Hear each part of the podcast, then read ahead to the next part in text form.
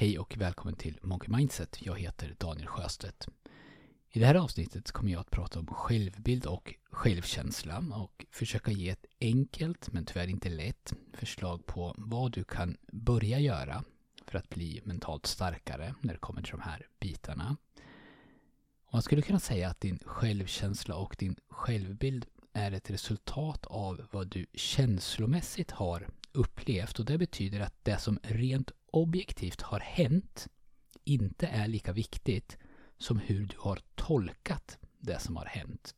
Och ett enkelt och lite hårdraget exempel på det här skulle kunna vara att ett barn kommer hem från skolan och visar upp sitt prov, resultatet på sitt prov, för sin pappa. Om pappans reaktion är att börja fråga om det som blir fel på provet så kommer barnet troligtvis att tolka sitt resultat på på ett sätt. Om pappan till exempel säger det här var jättebra jobbat, men hur kan det komma sig att du inte lyckades svara på den och den frågan? Berodde det på att du inte hade pluggat så mycket som du borde? I det här fallet så kommer det troligtvis att tolkat, tolkas på ett sätt av barnet och om den här reaktionen från pappan är ett mönster så är det rimligt att tro att barnet kommer att skapa en självbild av att han inte gör tillräckligt mycket eller är tillräckligt bra. Om pappan istället fokuserar på det som, det som gick bra, frågar om det och bekräftar det som gick bra, då är det troligt att barnets självbild kommer att bli annorlunda än mot förra exemplet. Kanske så lyfter pappan upp de frågor där barnet fick full poäng och frågar mer om dem. Om pappan till exempel säger jag såg hur mycket du pluggade på just det här ämnet. Vad coolt att du sen kunde svara på frågan så bra. Berätta hur du tänkte när du svarade. Då skulle jag säga att chansen är större att barnen, barnet får en självbild som säger att han är duktig och duglig och att det som han gör är tillräckligt. Och kanske påverkar det till och med hur mycket lust barnet känner inför att plugga och inför skolan i stort. Alltså exakt samma resultat på provet men pappan fokuserar på olika saker. I det ena fallet det som blir fel och, det andra sak, och det andra fallet det som blev rätt.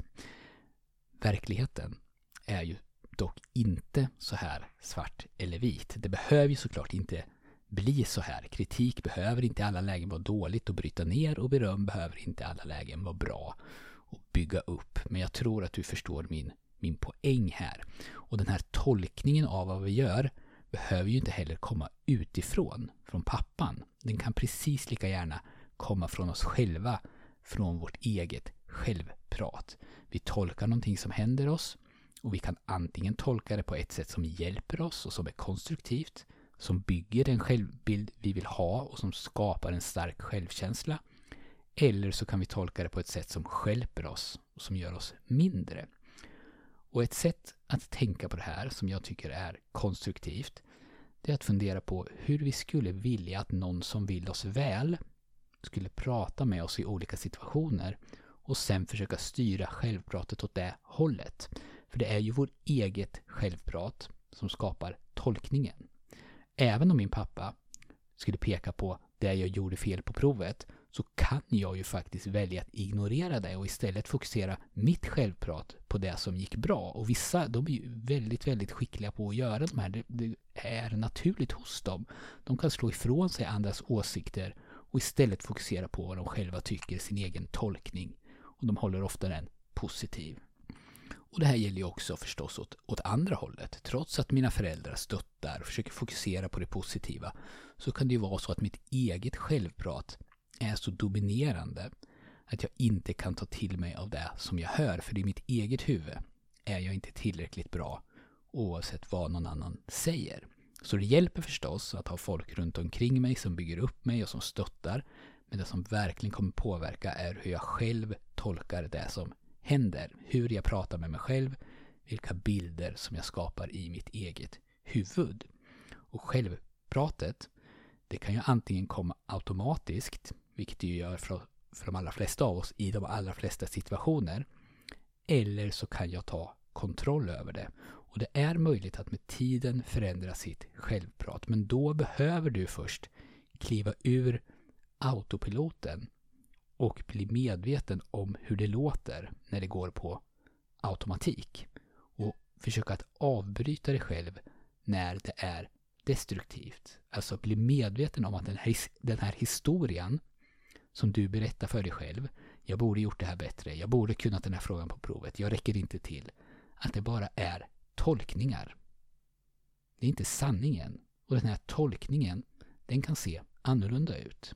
Så fråga dig själv, om någon som vill mig väl till 100% skulle prata med mig just nu, hur skulle det då låta? Och börja att medvetet styra ditt självprat åt det hållet. Eller kanske så är det lättare att tänka så här. Om någon som jag älskar och vill väl skulle befinna, befinna sig i exakt den här situationen som jag befinner mig i just nu. Hur skulle jag då prata med den personen? Och så börjar du prata med dig själv på det sättet.